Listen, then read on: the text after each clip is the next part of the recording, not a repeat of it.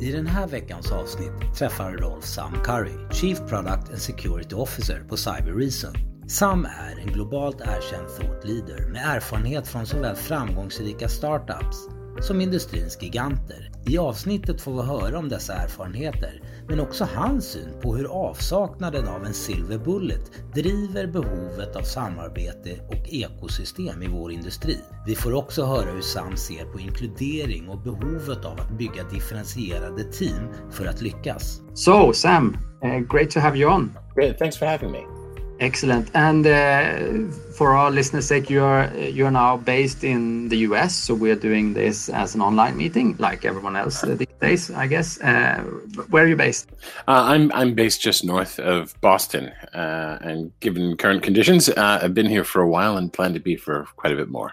Yeah, I can imagine. Yeah. it seems like it's been ongoing for quite some time now for, for most of us, I guess, and it's it's it's a new normal, I guess. Yeah, I think I heard the joke was it's March 127th today. Uh, well, that was yesterday. I don't know if the math worked out, uh, but uh, yeah, the idea is that March never seems to end. Oh, that's true. Very true. So, uh, Sam Curry, you are currently the Chief Product and Security Officer at Cybereason. Uh, I'm super excited to have you on.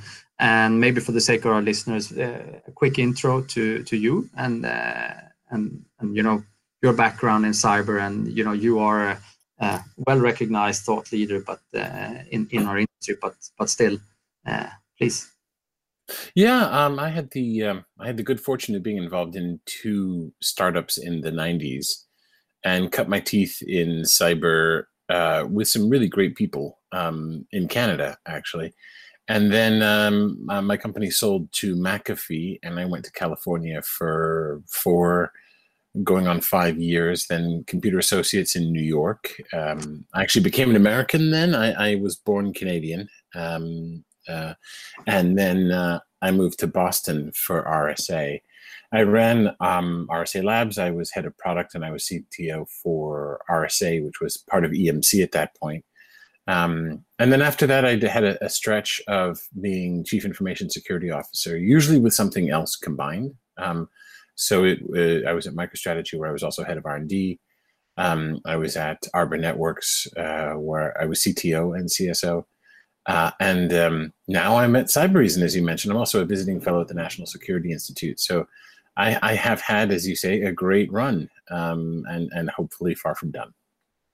Yeah, I think that's the spirit, right? It's it's it's certainly been a great run when looking at it from from the outside in, right? So so both the entrepreneurial uh, side of things and then the opportunity of working at like the giants of McAfee and, and RSA, etc., and then back to kind of startup scale up. I, I, I can imagine that it's a dynamic environment.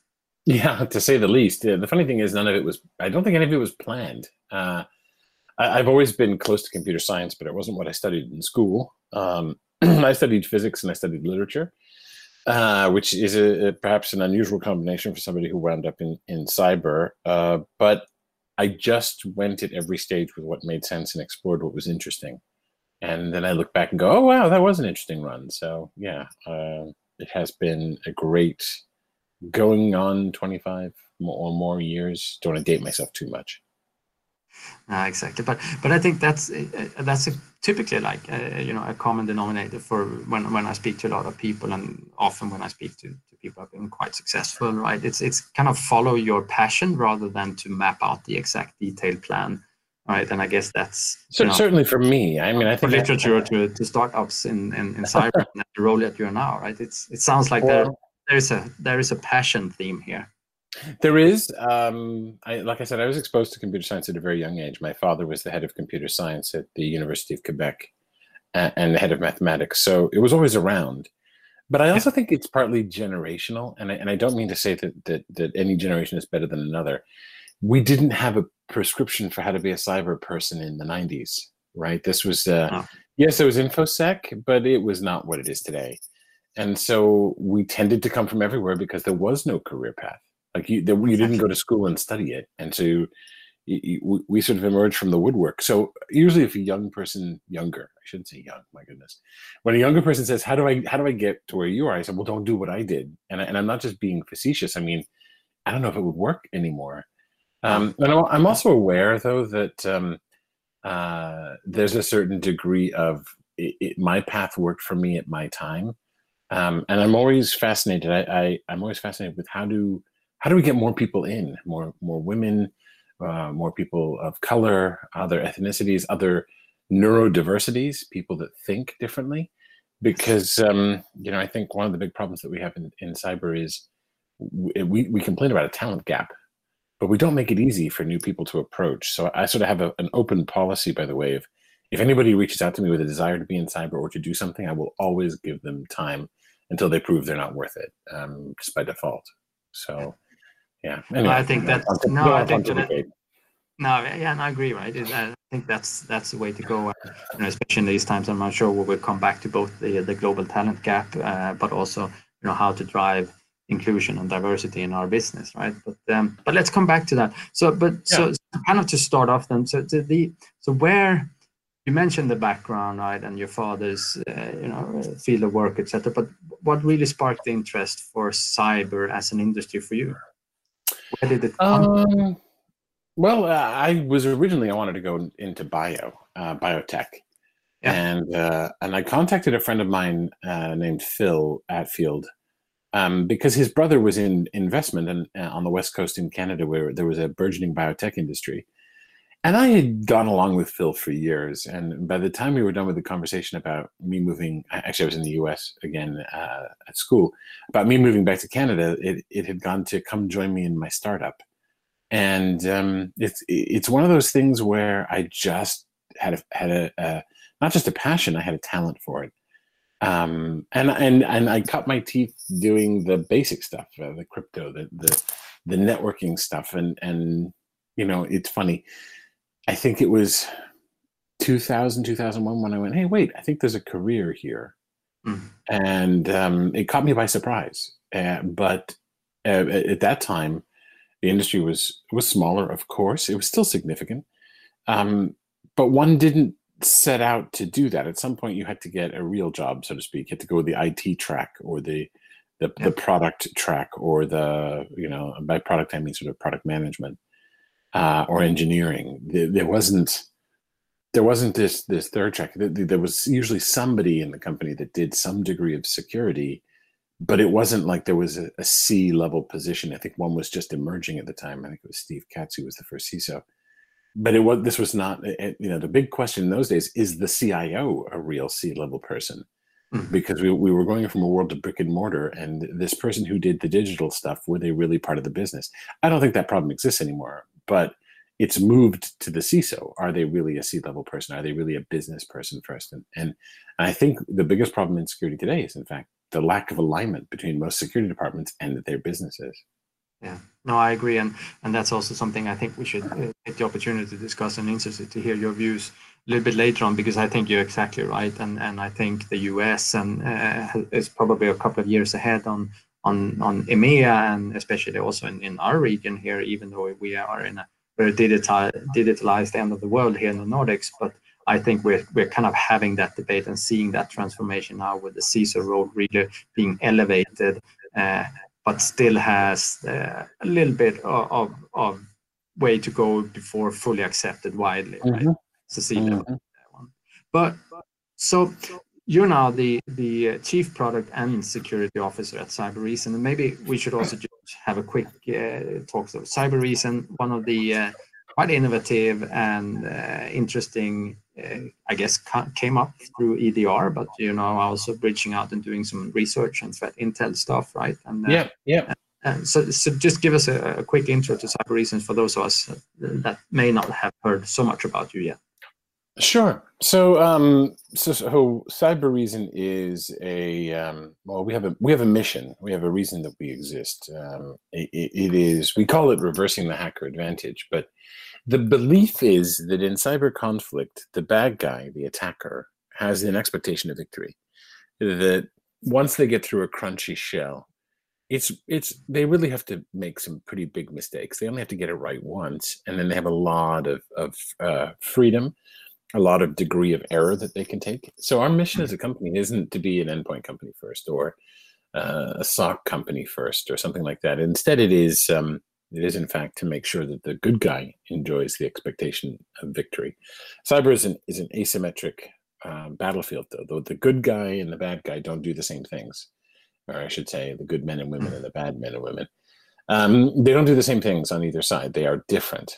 Um, but it would seem that the attackers are getting better at their craft faster than the defenders are. And this is no slam on on defenders; they're fantastic, but we aren't making the same leaps and bounds. We we you know we, we're hearing about new exploits and faster time to exploit and new platforms to attack. It seems like it's a world of opportunities for the attacker for all the risk. So Cybereason was created to try to reverse that. And um, actually, we, we started down the journey by looking at the network and said, hey, we think we can do things with network detection it turned out that things like over encryption, um, the last mile of information from each system, uh, the, this, the, the call it the um, uh, the noise to signal ratio, that these were really difficult obstacles at the network. That in order to get to a fairly hard to understand uh, fruit, um, and I say that because it required a lot a lot of compute, and it tended to catch things to the right in the kill chain. So we we went to the endpoint next. And um, just to run through the basics, we we essentially collect behaviors on endpoints, Mac, Windows, Linux, now Android and iOS. We get all of the subject, verb, object descriptions: what's launching what, what's injecting to what, what's happening with users, file touches, registry, and all of it goes into a data structure uh, to serve three use cases. The first is um, a really reliable queue of we call them malops. Um, but we but that is the unit of escalation. It's not events, it's not correlations, it's kill chains, which we call malicious operations or malops The second is to facilitate investigations, make them very snappy and very quick. And the third is to help fix things. And then from there, as you said, we've expanded from EDR to MDR, managed detection response, and then we've gone into the EPP game. So we started with stopping ransomware. Um, we, we scoped the use of things like PowerShell and uh, stopping other forms of fileless malware, uh, you know, not just the PowerShell exploits. And then we've gotten into the classic antivirus as well, machine learning based detection of, of, of files and saying, are they likely to be good or bad? But that, that's me rambling a lot. Um, hopefully that gives some background. Does. And, and I think, you know, you said a lot of, you know, there was several interesting points. One, one thing I picked up from what you said, like this. So, so back to the, like the, the points about how difficult it is to actually defend in any organization, right? today Because you have to you have to live with your legacy environment, right? It's it's it's designed, it's operating the way it is, and it's not something you as a CISO or cyber practitioner change overnight, right? Whereas the right. attack kind of model, you know, their techniques, etc., from more more from scratch and, and don't sit with that legacy piece.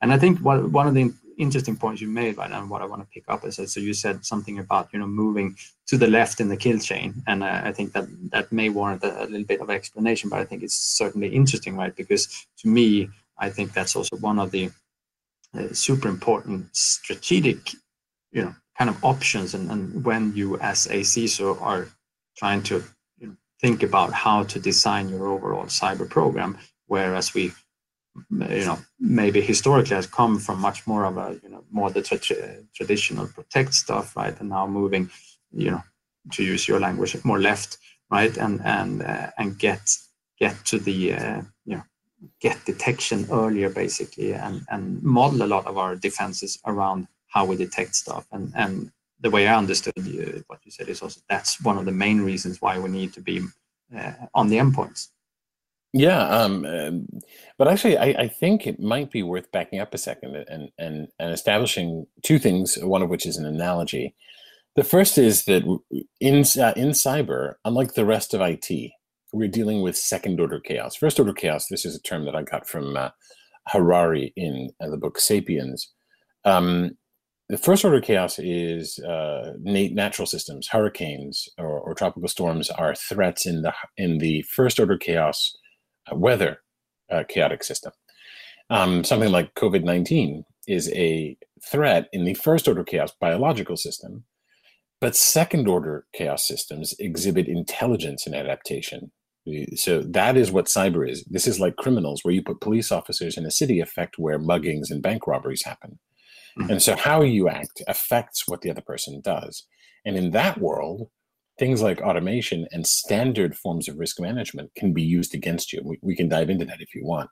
But the second point I think is really crucial. I I am a, a big fan of an author called Michael Lewis, and he's he wrote uh, some fantastic uh, financial books on things like the global financial crisis in 2008. Um, and he's written on the on the Trump administration, for instance, in the U.S. Um, quite critically.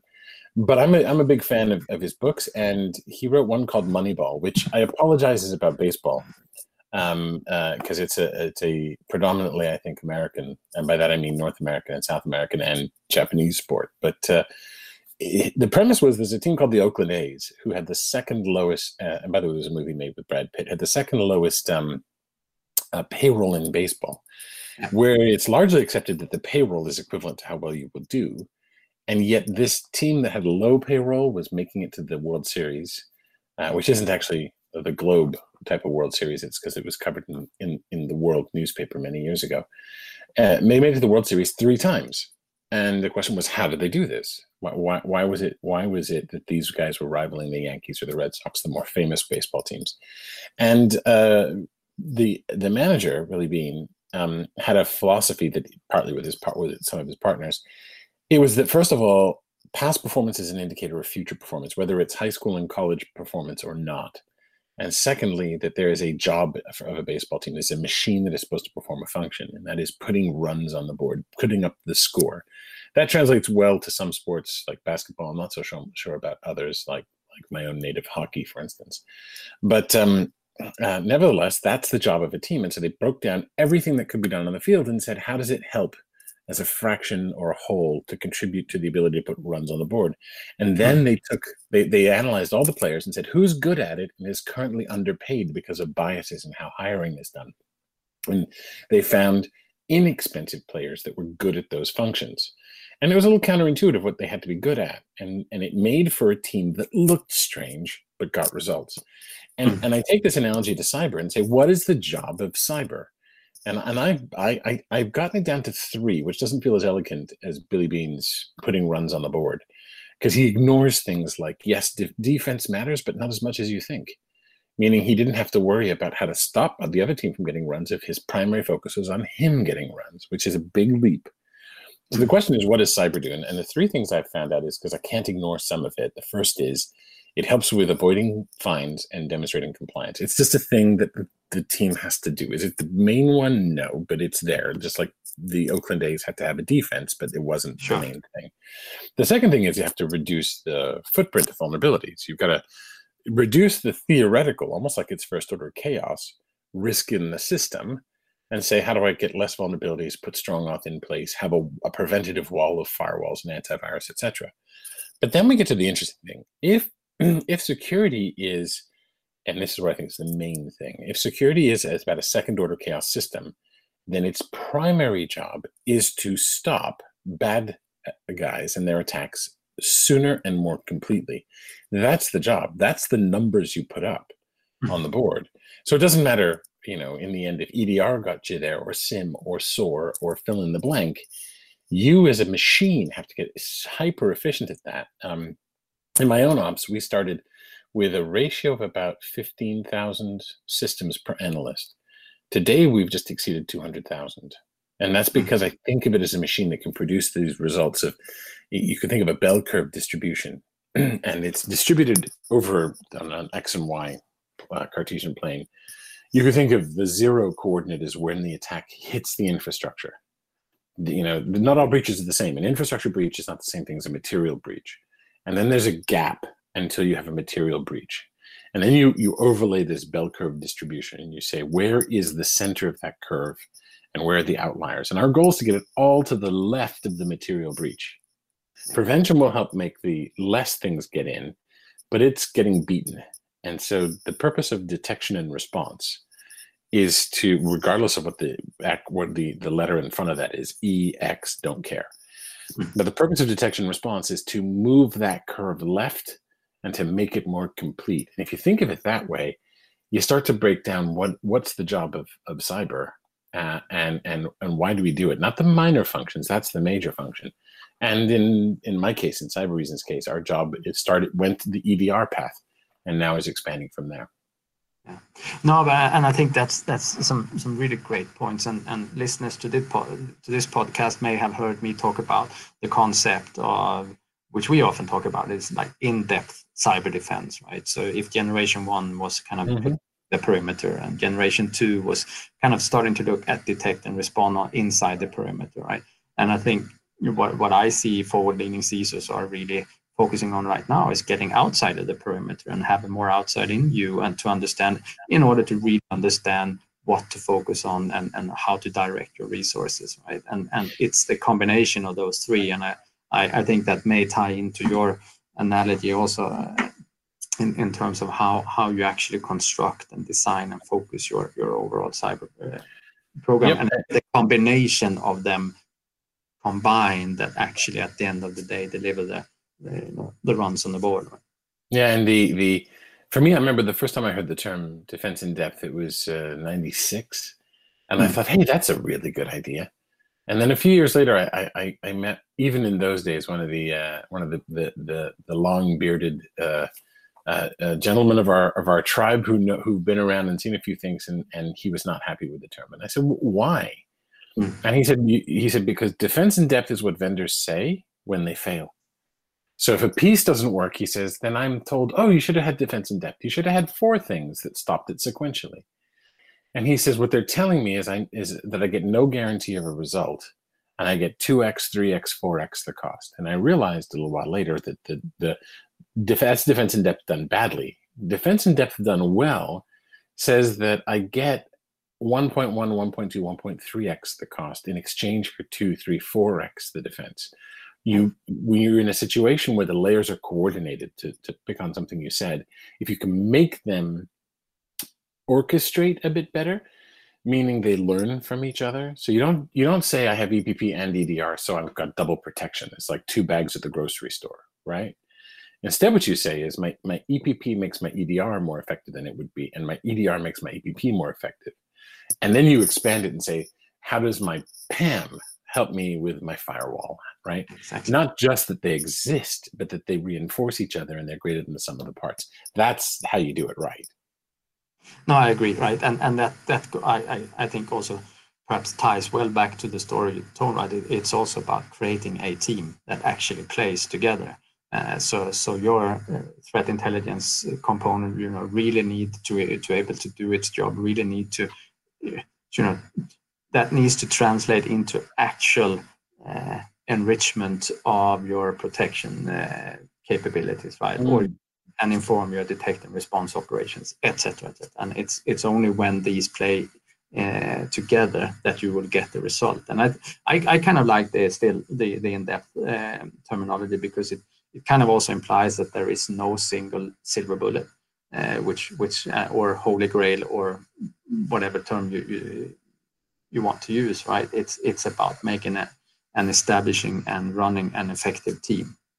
Yep, and and and you know it, it's funny. Um, the, the the combination of product and security throughout my career, to greater or lesser extent, uh, has meant thinking about not just how to do something, but then how can it be? How can the status quo be changed? Um, I I I don't believe that that most integrations among products should just be here. Take my syslog um, but they should be use case driven, which means sitting down and seeing how Mark One human beings actually do the job. What are they doing? How are they trying to trying to do it? Because um, we, what we want is to make cyber more reproducible, more predictable, more efficient, and to make life better for the operator while they while they're doing more valuable things with their time. Um, and so for me, I don't like terms of "oh, I'm your single pane of glass." Well, well, nobody deserves that because I don't even know if I want that. Uh, and and uh, you know if you just go with you know coalition X, everything everything will work together magically. I've never seen that even when they're all provided by the same by the same vendor. And so for me, it's it's not about having uh, one vendor or one ecosystem that's going to solve it. In if you look throughout security, uh, out throughout actually through all of software, um, you'll see that over time things become commoditized. And when they become commoditized, they move to suites. We saw this with ERP. We saw ERP systems. So like your finance and accounting stuff. We saw it with productivity, like Office, right? Mm-hmm. You used to buy your spreadsheet separate from your from your your word processor, from you know, slides, etc. Um, but they converge when they're effectively commoditized. And and there's a there's a habit in most of software to think, well, it will all converge, but the key is commoditization. And commoditization, if, for me, very clear definition, when it is available everywhere and the quality is the same everywhere, then it's only differentiated on price. And so if you get to a situation that's differentiated on price, then naturally people that bring it all together have more clout. They can use their P&L to go and merge and and and and really put pressure on, on the market. But here's the thing with cyber. You know, I had to sit in an audience, and this is one of the reasons um, that I, I wound coming back to the startup world and hear two back-to-back presentations. The first said, um, uh, the, the, the, there's the total addressable market for security is going to be 150 billion within, I think it was like five years or something. That's a mm-hmm. staggering number. And I was like, oh, okay, that's interesting. You know, that's how much money is spent every year in security. The second presentation, a CISO stood on stage and said, there's those who've been hacked and those that don't know it. And it mm-hmm. made me really mad. I don't come to work every day to fail. And I did the math and I'm like, even with, you know, in, you know, the amount the market grows by the CAGR every year, Conservatively, the last 10 years, we've spent a trillion dollars. So I have to listen to this joker tell me that there's those who've been hacked and those that don't know it. That's a failure. No other industry in the world would, would you say you spent a trillion dollars, right? Um, and and and you're still failing, and it's worse today than it was 10 years ago. That's unacceptable. And so in that world, you can differentiate on still on a better mousetrap. Somebody can come along with innovation and technology and make a difference to fill the gap because the race isn't company to company as it is in most industries. It's it's about us collectively with an adversary who's getting better faster than we are. And so when when that cognitive leap happens, you realize that there will be some suite motions where things will consolidate. But look what's happened to every suite player. They don't innovate they wind up getting in, in, in some form of trouble. I mean, if you look at the endpoint market, um, I'm probably going to get the numbers wrong, but Symantec and McAfee have been each sold, split up, or or or or or changed two or three times, right? But nobody's been safe. Only a tiny fraction of companies that have some innovation, um, whether it's marketing or technology, are still forging ahead, and yet the market is growing. So if you go to an RSA conference, you see thousands of companies because we're desperate as an industry for solutions. And my personal belief, and one of the reasons that that I think I align well with Cybereason and why it, I'm so passionate about the company as well, is um, if you do that job, then the practitioners of security and the executives will come to you, not the other way around. In other words, you don't do the business school thing of, oh, I've got a great product X, I've got a sandbox, I've got a firewall, I've got antivirus, I've got identity, whatever, and say, oh, where are they spending money? Let me go buy one of those in an undifferentiated mass because suites are coming. And the answer is no. That's uninteresting, and the customers will lose faith in you. If instead you focus on the primary job of what their machines are supposed to be doing, the money will move to the market you're in. And I and I firmly believe that. It's a little counterintuitive compared to a lot of my business business school colleagues who say, ah, security is not special. But it is special. And it's special because we have human opponents those sorts yes. of industries, they're a big deal. Yeah, and, and I think that's that's probably it, right? So what, what we're working to, to remediate or mitigate, if you like, is, is not something static, it's something that's con- right. constantly evolving, right? And and as, as you said, there, there are thinking humans on the other side of this also innovating. And and which to me is also, you know, why I'm interested and, and passionate about the industry, because I think that in itself is so much more excited than so many other things uh, here. But so, but but I think that there are some some interesting things here, right? So I I, I typically talk about the, the the need for an ecosystem because you know the lack of the silver bullet, and it's it's mm-hmm. about the team, and I find that fascinating. I, and I think you know I see that more and more, uh, more product companies realizing and that you know they are not the silver bullet they fit into larger ecosystems etc and, and and you see more integrations and partnerships etc and and and i guess also over a period of time you will see more consolidation and, and the suites uh, starting to rise more clearly right but, I, think you will, but but, but the yeah. thing about ecosystems is that they they they are not in na- in nature. Ecosystems are evolutionary; they mm. are not by direction. Um, so if we use that analogy, maybe we can go too far but I don't think that it's about one company's program to build their ecosystem, yes, those will emerge and yes, they can be very beneficial.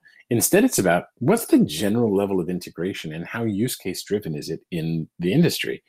I'm much more interested in a meeting of product managers getting together who have firsthand experience of what their customers and users do than I am in executives getting together to saying, how can we dominate the world? Or engineers and saying, what's the art of po- the possible? Both are important, but it's the product managers that make it make it use case and real world driven. How does how does a real person actually use my interface? And then how do I make that better for them? What are they trying to accomplish? How do I make that easier?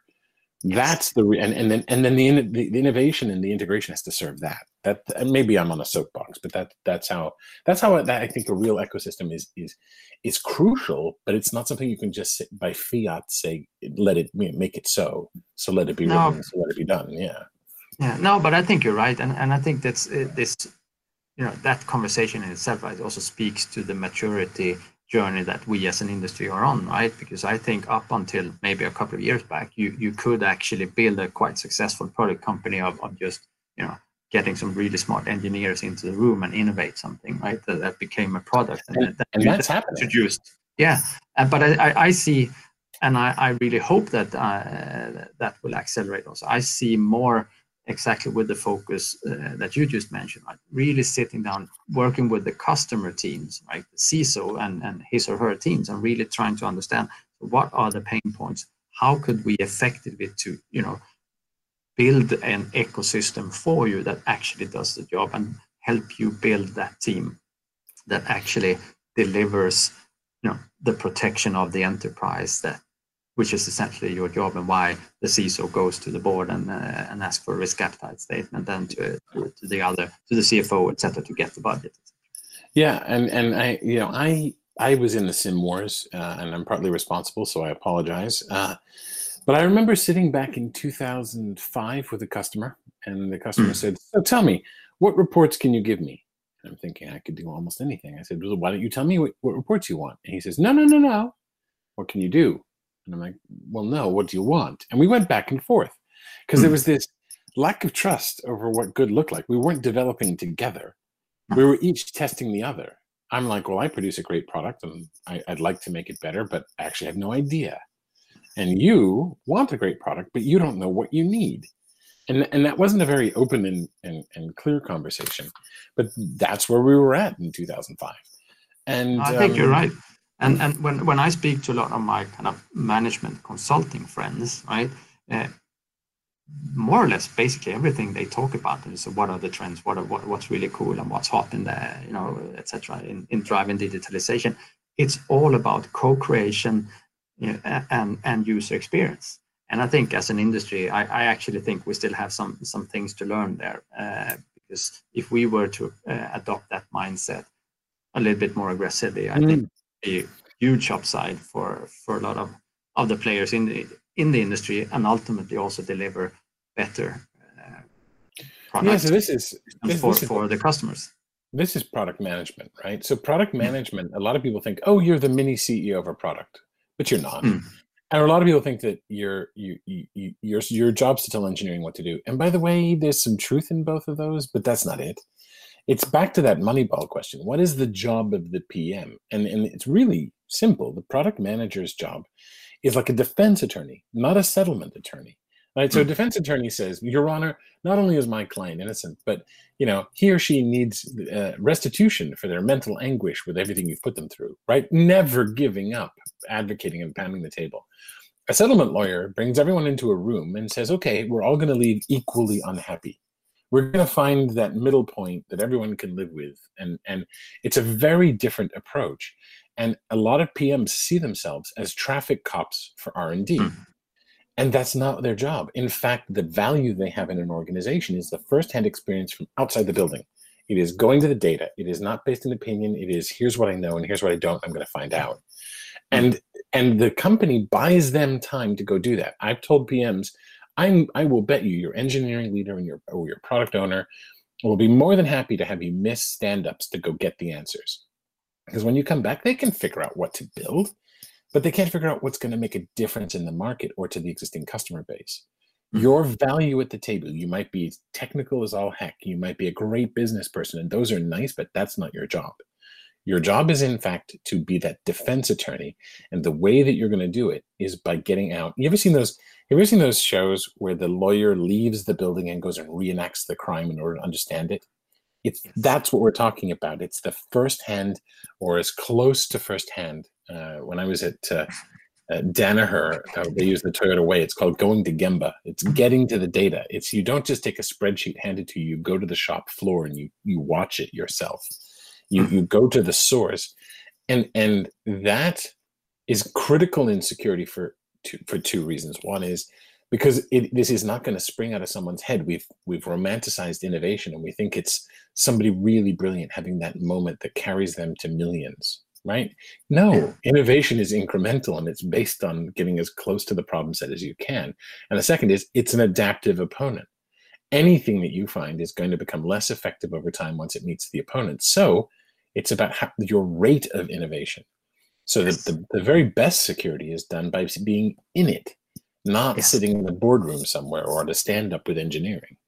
No, I, I, I, agree. And, and I think you mentioned something, and we're, we're, we're going to move on to a, couple of quick questions, here, but, but I think you something uh, truly important. I think one of the most underestimated qualities of any organization is speed, right? The yep. speed of innovation, the speed of development, your speed in R and D, and and uh, and and I think it's uh, it's I think it's simply underestimated, and I think that may warrant a, a specific episode in itself.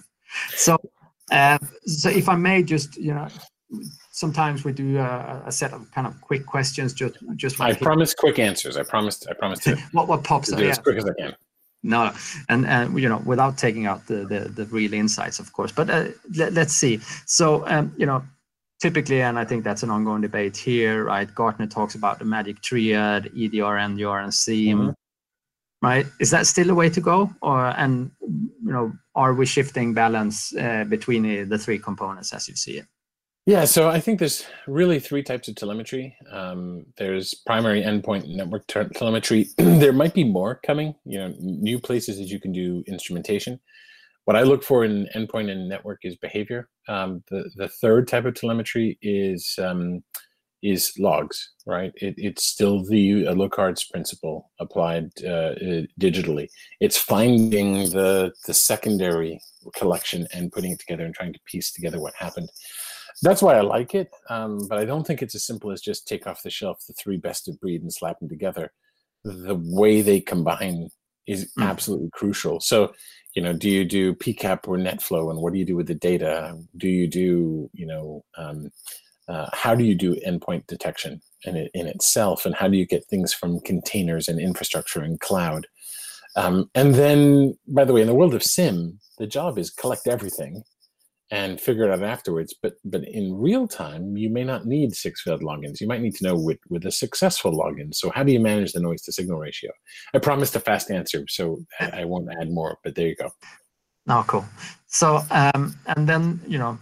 When thinking about emerging technologies, we've seen some players entry in the market uh, on on the SOAR uh, side of things.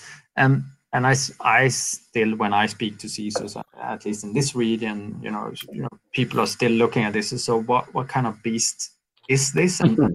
and which piece of the puzzle can it actually help me solve? And how do you think about SOAR? It, would that be something that you put on top of your Magic Triad, or uh, uh, and is it more a will it become and is it more a like an internal optimization tool for the SecOps team, or is it something that actually can give a wider integration and or overall consolidated view of your overall cyber program at the end of the day when this has evolved a couple of years more?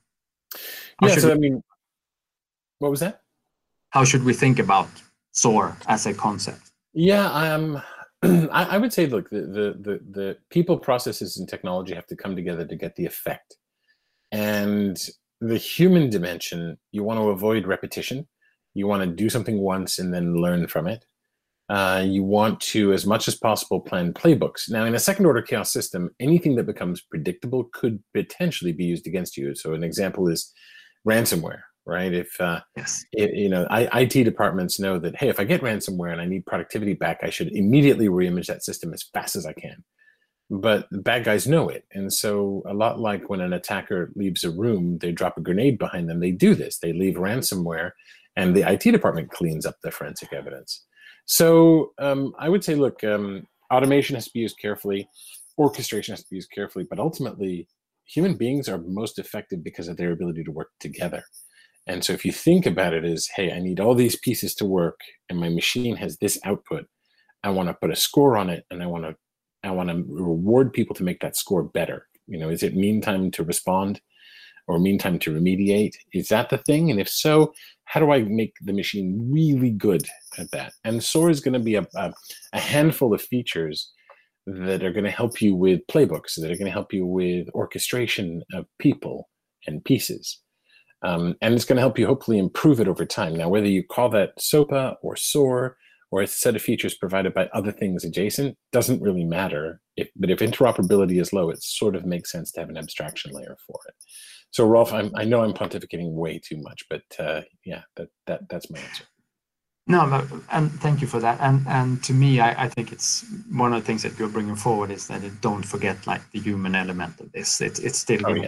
people, right? You can automate and uh, and you can orchestrate, but at the end of the day, let's not forget about the the skilled cyber practitioners actually also contributing to making the difference, right? And I think that's that is interesting, and that kind of ties back to to the next question. And we talked about it briefly initially on on the the, the global talent gap, right? So so if there is a, only going to be so much that we actually can orchestrate and then automate, and we have this global talent gap.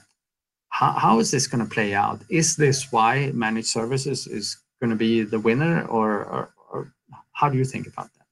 That's funny. I heard someone describe the cloud once as just someone else's computer, and managed services are just someone else's human being very often. Hmm. um, and I'm not denigrating it. I think managed services absolutely vital, but managed services, the implication should be that because of an economy of scale and efficiencies, they can do it better than than you could do it for yourself.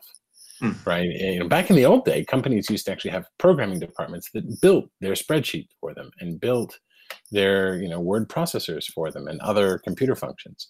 Uh, and then we went to this notion of independent software vendors, right? Um, technically independent from the hardware was where that term came from, but uh, but that you would go get this these packaged COTS products, commercial off the shelf, perfectly viable to do it with services. But services should not be just mechanical Turks. They should not just be cheap P and L relief. The promise of an MSSP is that it will find the needle in a haystack better than you Many MSSPs, in fact, can't do it better than you could, but they do it cheaper than you could. And so, if managed services are just a form of in a, in a commoditized market, they are a form of P&L relief. That's okay, but in a non-commoditized market, they need to differentiate on ability and results. And we still are very bad. Back to what we talked about at the beginning, we're very bad as an industry at that alignment with the business and demonstrating business value for security it can be done. I, I use my my Moneyball analogy, but that's the biggest problem. And so, like, I, I, the talent gap's important. I think it's partly self-inflicted. We designed for the level three analyst pink unicorn, right? The the person who's amazing at their craft, and we designed for that person and there's a lot of skills that have to come together windows internals or systems internals and networking and cryptography and computer science and, and now business and there's, a ton of skill sets that have to be learned. But we have not done enough collectively to create apprenticeships apprenticeships to think about curricula. How do we get people from zero to that? How do we widen the how do we not just widen the ingestion of candidates and reach out to them but how do we make the tools that they use more understandable um, you know, it's not just here's your correlation engine, take what comes off the top, but it should be exposed in a way that lets you focus on the job and always be able to trust but verify. Go down and see why did this escalate to me? Because otherwise, it becomes manipulable by bad guys.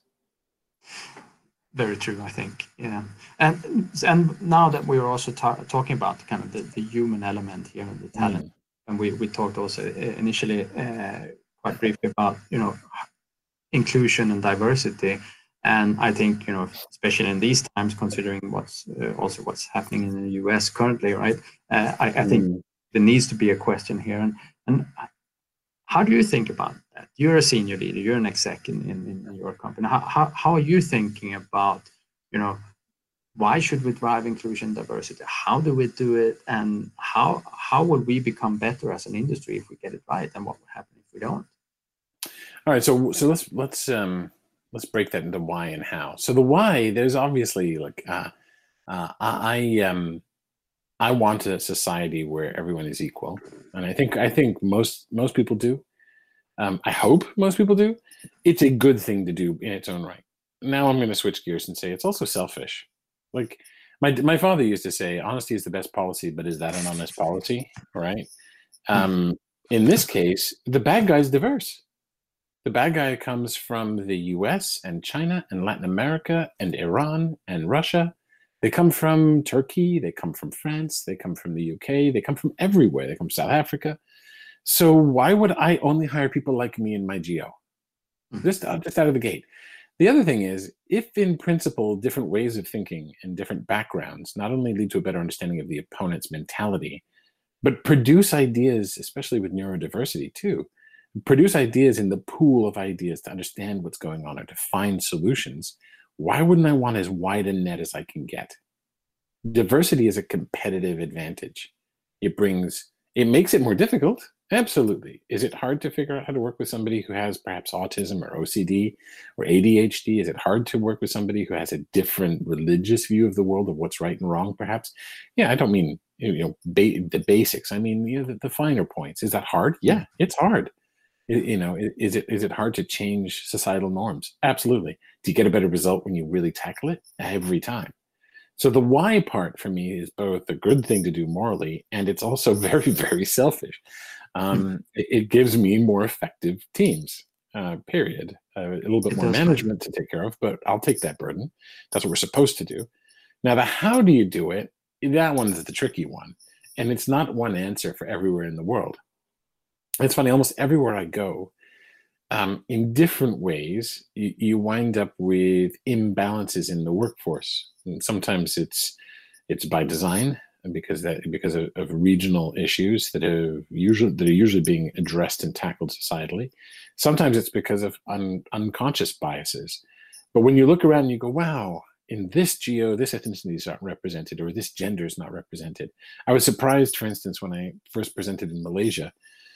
I went and presented at a security conference with 2,000 people, and I looked out.